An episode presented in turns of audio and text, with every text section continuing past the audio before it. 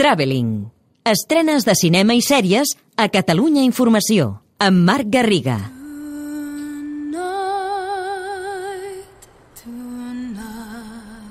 Quan Steven Spielberg és al darrere de qualsevol projecte, què no val la pena? Podem dir que ha fet créixer l'original, que era de principis dels 60, fent-la més espaiosa, més oberta visualment, també retoca alguns personatges, els modernitza, però bàsicament és la West Side Story que ja coneixem, ubicada a la mateixa època, amb els Sharks i els Jets barallant-se als carrers de Nova York, disputant-se un barri en decadència, amb el racisme a flor de pell, aquí amb el castellà amb un protagonisme molt més clar, la història d'amor inspirada en el Romeu i Julieta de Shakespeare, Shakespeare i, òbviament, amb el mateix llibret dels mestres Bernstein i Sondheim, que ja va triomfar a Broadway. Serveix, sobretot, per reviure la sensació de veure-la per primera vegada en pantalla gran, per rememorar com de grans són totes les cançons i per descobrir els nous intèrprets, eh, sobretot el Tony d'Ansel Elgort i l'Anita d'Ariana DeBose, a banda d'exercir d'homenatge a Rita Moreno, l'Anita de la versió de Robert Wise, que aquí té un secundari de luxe. Calia un remake així? Segurament no, però és Spielberg i és una pel·lícula pel·lícula majestuosa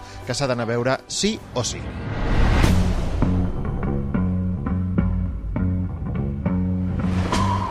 L'Anna Wachowski recupera el seu univers Matrix en aquesta quarta part, Matrix Resurrections, 18 anys després de la tercera, que va dirigida sobretot als fans, però que en general resulta difícil de pair, amb un argument incomprensible en molts moments, amb decisions de guió o de càsting difícilment justificables i uns efectes especials de pa sucat amb oli. Comença sent una paròdia de si mateixa que hauria estat bé, però no. Després es torna a posar mística i avorreix. Per molt que Keanu Reeves i Carrie Ann Moss recuperin els seus personatges de Neo i Trinity.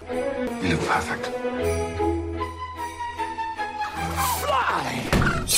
Hi ha dues estrenes més aquesta setmana de Nadal molt apropiades per a aquestes dates. Bé, segons com es miri, perquè Silent Night parla d'una trobada d'amics d'un sopar de Nadal, que recorda molt el dels amics d'en Peter, però de fons hi ha una raó que va més enllà de recordar els vells temps, de, de beure unes copes, de fer unes rialles i de compartir moments especials.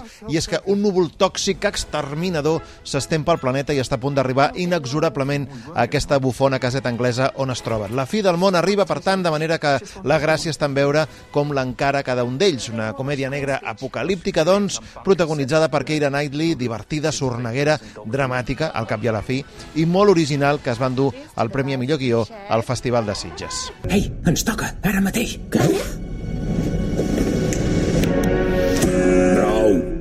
gran show, idees bones! L'altra estrena va dirigida als més menuts, però és d'aquells films que els pares poden veure sense avorrir-se ni un minut. D'entrada perquè Canta 2 és una fantàstica faula sobre l'esperit de superació al voltant d'un grup de cantants aficionats que volen aixecar un musical superlatiu en una mena de Las Vegas imaginària i després perquè té una banda sonora que és una col·lecció de hits incontestables i per acabar, i això ja va pels que s'atreveixin a dur els nens a veure la versió original, es trobarà les veus de Matthew McConaughey, Reese Witherspoon, Scarlett Johansson, que interpreten els personatges principals, però també en Pharrell Williams, Halsey o fins i tot Bono, d'artistes convidats amb el tema d'U2 I Still Haven't Found What I'm Looking For com a himne final i que supera, per tant, aquesta pel·lícula, aquesta segona part, la primera, que estava ja molt bé. Literally down a corner now. Hey, I'm down a corner, give me two seconds. All right, tra, tra, tra, tra. Pel que fa a les estrenes en plataformes, Filmin presenta la seva gran aposta, Hierbe, un pla seqüència imponent on Stephen Graham, un dels actors britànics més en forma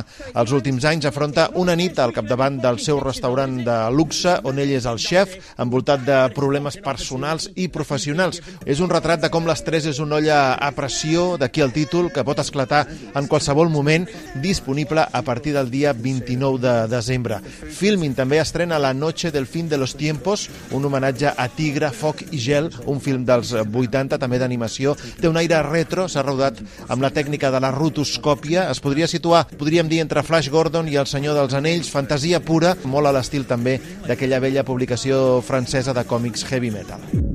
The average annual rainfall hit another low. The world's water will be reduced by 40% in the next 10 years.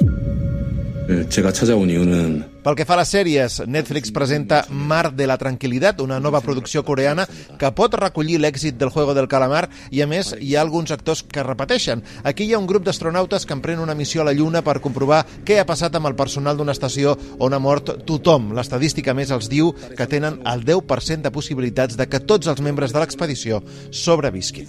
I a Disney Plus torna Aquellos maravillosos años, però en versió afroamericana, per tant, amb temes que no es tocaven en aquella versió original dels 80-90 Atlanta amb una nova perspectiva més diversa des del punt de vista d'un home negre que va créixer a Alabama als anys 60. Traveling. Estrenes de cinema i sèries a Catalunya Informació amb Marc Garriga.